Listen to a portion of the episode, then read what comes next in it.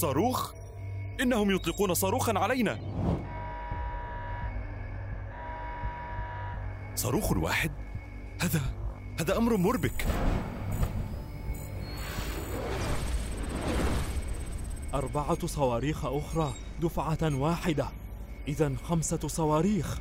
ضغطة زر ولتنطلق صواريخنا النووية وترد على صواريخهم ولتكن الحرب الكونية النووية.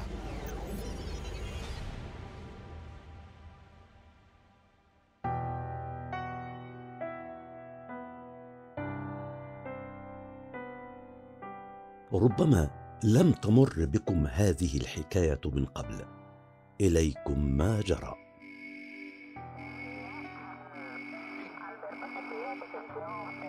نحن في أوائل الثمانينيات من القرن الماضي. توشك أربعة عقود أن تتم منذ أن شهد العالم مأساة هيروشيما وناغازاكي. وبدلا من الكف عن التسلح النووي فإن سباقا خطيرا يجري على قدم وساق يقوده القطبان الاتحاد السوفيتي والولايات المتحدة الأمريكية.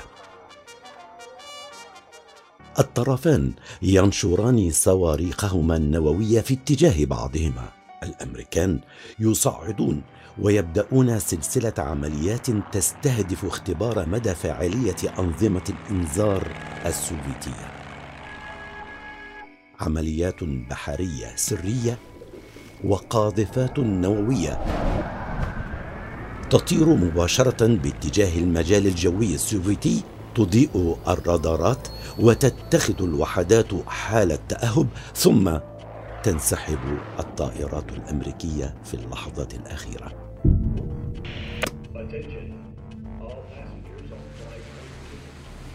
في الحادي والثلاثين من أغسطس آب عام 1983 زحام في مطار جون كينيدي بنيويورك. عشرات الطائرات تهبط وتقلع. تعلن الخطوط الجوية الكورية عن قيام رحلتها رقم 770 المتوجهة إلى مطار جيمبو بسيول. سألتحق بكم بعد أسبوع حين أفرغ من أعمالي. سأفتقدك يا أبي. لن أتأخر. وها هي والدتك معك؟ اعتني بنفسك يا أبي. أحبك. وأنا أحبك. بلغي جدك وجدتك السلام.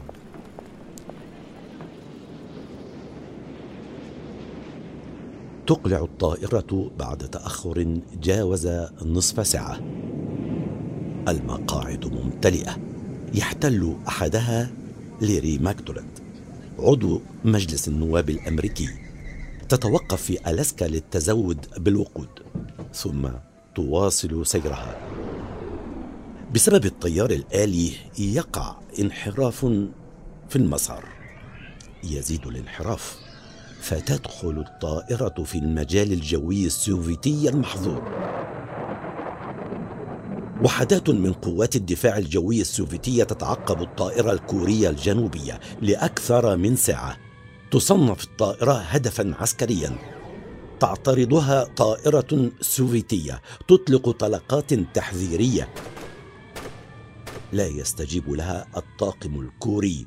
تغير الطائرة الكورية سرعتها وارتفاعها بعد أن تلقت تصريحا من مركز التحكم في طوكيو للصعود إلى مستوى طيران أعلى. لأسباب تتعلق بالاقتصاد في استهلاك الوقود تخفف سرعتها تدريجيا ما جعل المقاتلة السوفيتية تتجاوز البوينغ الكورية. يظن السوفيت أنها مراوغة. يقررون امرا. تستعيد المقاتلة السوفيتية وضعيتها ثم فجأة تطلق على الطائرة صاروخين.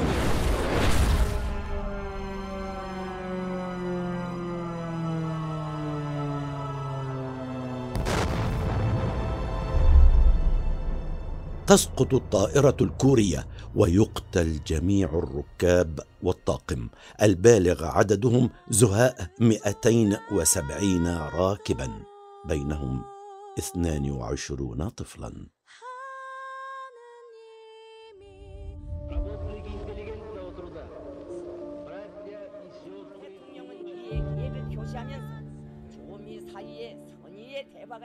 أكثر من ثلاثة أسابيع والطرفان يتبادلان الاتهامات.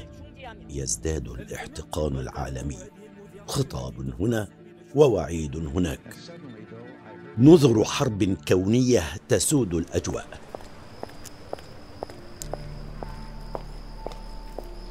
هناك في إحدى ضواحي موسكو واحد من سلسلة مخابئ سرية أنشئت كمراكز إنذار مبكر تحمل الاسم الكودي أوكو.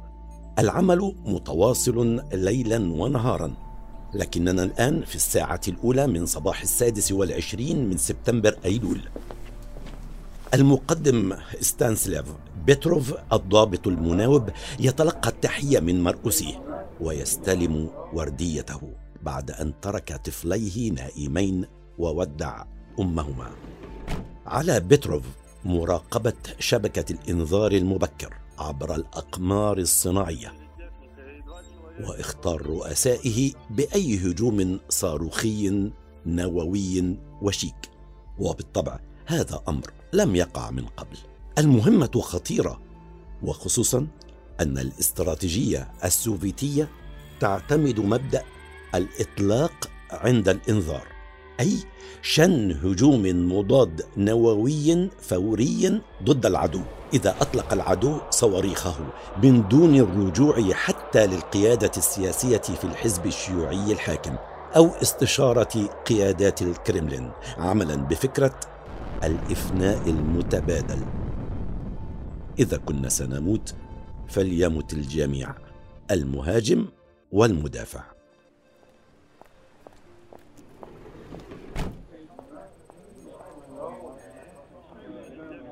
عدد من الضباط كل واحد منهم يحدق في الشاشة التي باتوا يحفظون ملامحها. أحدهم يستعين بفنجان من القهوة وآخر بكوب من الشاي. الصمت يخيم على المكان لا تسمع إلا همسا. فجأة يتحول كل شيء. هل ترى ما أرى؟ أكاد لا أصدق. صاروخ باليستي نووي عابر للقارات في طريقه إلينا. الكمبيوتر يقول إنه انطلق من الولايات المتحدة الأمريكية. إنها الحرب النووية. تغيرت جلسات المراقبين غير مصدقين. وبصورة عفوية اتجهت أنظارهم نحو ضابط المناوبة المقدم بتروف الذي يمعن النظر في شاشة الحاسوب. يرصد الصاروخ المتحرك على يمين بتروف لوحات مفاتيح كافية لتغيير خريطة الكون وإشعال حرب نووية وعلى يساره سماعة هاتف تصله بالقيادة العليا. كان على بتروف أن يخبر ثلاثة من رؤسائه في هرم القيادة وبمجرد اتفاقهم على الهجوم تبدأ من فورها الضربة السوفيتية الانتقامية المضادة لإحداث الإفناء المتبادل. الجميع يحبس أنفاسه. راح كل واحد يفكر. أين ستسقط الصواريخ الأمريكية؟ وما مصير عائلاتهم وذويهم؟ هل ستأتي التعليمات بالرد؟ لكن بيتروف لم يضغط على زر البدء قط ولم يرفع السماعة بعد. بتروف ما زال يفكر. إن كانت الولايات المتحدة تريد أن تشن هجوما نوويا على الاتحاد السوفيتي فهل معقول أن تبدأ الهجوم بصاروخ واحد؟ بدأ يستبعد الفكرة. يسكت صوت الإنذار لكنه يعود سريعا. الكمبيوتر يفيد بأن أربعة صواريخ باليستية إضافية قد انطلقت من الولايات المتحدة ليصبح إجمالي الصواريخ الموجهة إلى بلاده خمسة صواريخ نووية. لكن هل هذا العدد كاف لبدء هجوم نووي؟ بالطبع لا. فأي هجوم نووي حقيقي لابد أن يتم بعشرات الصواريخ لتحقيق الغرض منه وهو شل العدو تماما. ومنعه من توجيه ضربة انتقامية قدر الإمكان. كانت أسئلة منطقية لكن المسؤولية الملقاة على كاهله ضخمة وأي خطأ يرتكب سيكون ثمنه باهظا. هل أتحمل مسؤولية إطلاق العنان للحرب العالمية الثالثة؟ لا لن أفعل ذلك. هذا بالتأكيد خطأ في جهاز الكمبيوتر. وإن لم أفعل وكان هجوما امريكيا فما مصير بلادي؟ التعليمات واضحة والزمن يمضي. لو كنت مكانه لاتصلت بالقيادة سريعا. هذه مسؤولية جسيمة. انظر إنه يستفسر من فني مراقبة الرادار. يبدو أنهم لم يرصدوا شيئا بحسب تعبيرات وجه الفني. أولئك الفنيون ليسوا سوى خدمة الدعم. ينص البروتوكول على أن القرار يجب اتخاذه بناء على قراءات الكمبيوتر لذا فهو المسؤول عن اتخاذ ذلك القرار بصفته الضابط المناوب. ما من أحد يستطيع مناقشة الضابط المناوب. وما من أحد يستطيع إزاحة عينيه عن متابعته. بيتروف يمسك سماعة الهاتف. يتيقن الجميع أنها لحظة الإخبار وبعدها الإطلاق.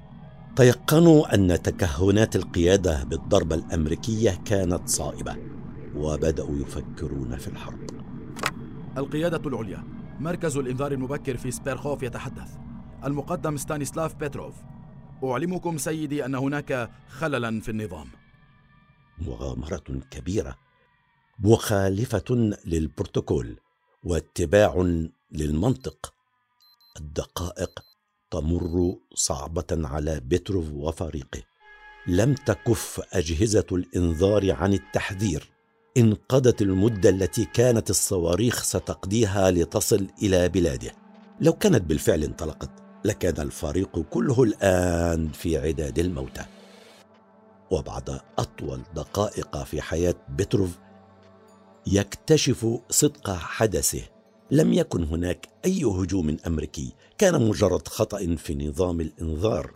كاد أن يكلف البشرية الفناء الكامل. تنفس الصعداء وكتب في تقرير المناوبة عن الحادث. في تمام الساعة الثانية عشرة وواحدا وثلاثين دقيقة رصدت أجهزة الإنذار انطلاق صاروخ نووي. ثم تبعته بدقيقة أربعة صواريخ أخرى. لم يبدو الأمر منطقيا لقلة العدد الذي تم رصده. لذا قررت أن لا أضغط زر الإطلاق. فقد كان هناك في نظري خلل في نظام الإنذار. يقول بتروف لاحقا لأصدقائه لقد شعرت أن تدريبي المدني ساعدني على اتخاذ القرار الصحيح. فقد كان زملائي جميعا عسكريون محترفون تلقوا تدريبات عسكرية بحتة. ووفقا للتعليمات كانوا سيبلغون عن إطلاق صاروخ إذا كانوا في نوبتي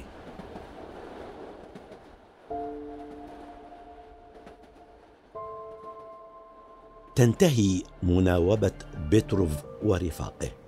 يعودون إلى عائلاتهم. ما من صواريخ سقطت في موسكو. ولم يعلم مواطن أمريكا أن صواريخ كثيرة حجبتها عنهم حكمة بتروف لكن الأمر لم ينتهي.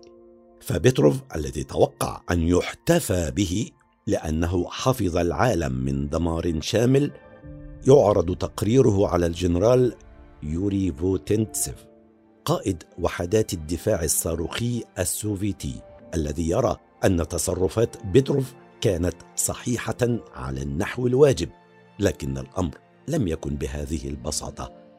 تقرر القياده التحقيق في الأمر. التحقيق في قراره بتجاهل الإنذار.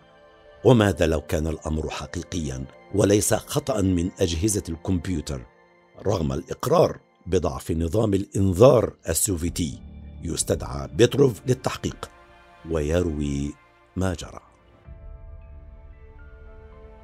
في البداية أشاد بي فوتينتساف ووعدني بمكافأة لكن لم يحدث هذا. فقد تم توبيخي أيضا بسبب عدم تقديم تقريرا مستوفيا عن الإنذار. انتهى التحقيق معي ولم أحصل على مكافأة ولكن لحسن الحظ لم يوجهوا اللوم لي. وكان هذا بسبب أن الحادثة والأخطاء الأخرى الموجودة في نظام الكشف عن الصواريخ كانت أحرجت رؤسائي والعلماء المسؤولين عن ذلك.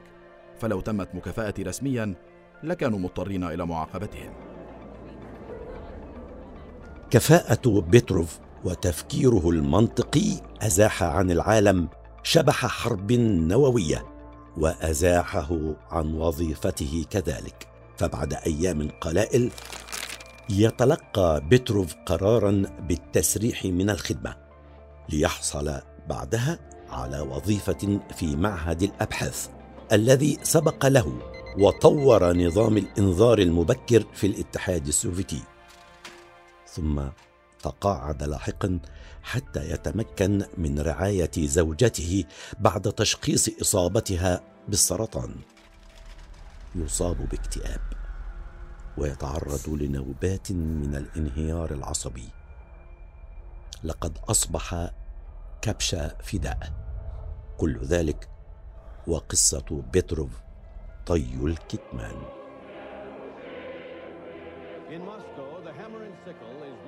تمر السنوات يتفكك الاتحاد السوفيتي لتعرف القصة بعد ذلك قصة رجل حمى العالم but possibly saved the world. He has since been given an award by the Association of World Citizens. From his early life to the part he played in avoiding nuclear destruction, join us today as we take a look at the man who saved the world.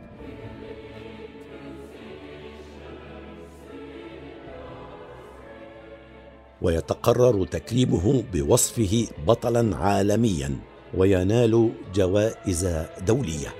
فقد كرم في اجتماع بالأمم المتحدة بنيويورك وفي عام 2013 تنتج الدنمارك فيلما وثائقيا عنه بعنوان الرجل الذي أنقذ العالم ليحكي قصة بيتروف للعالم.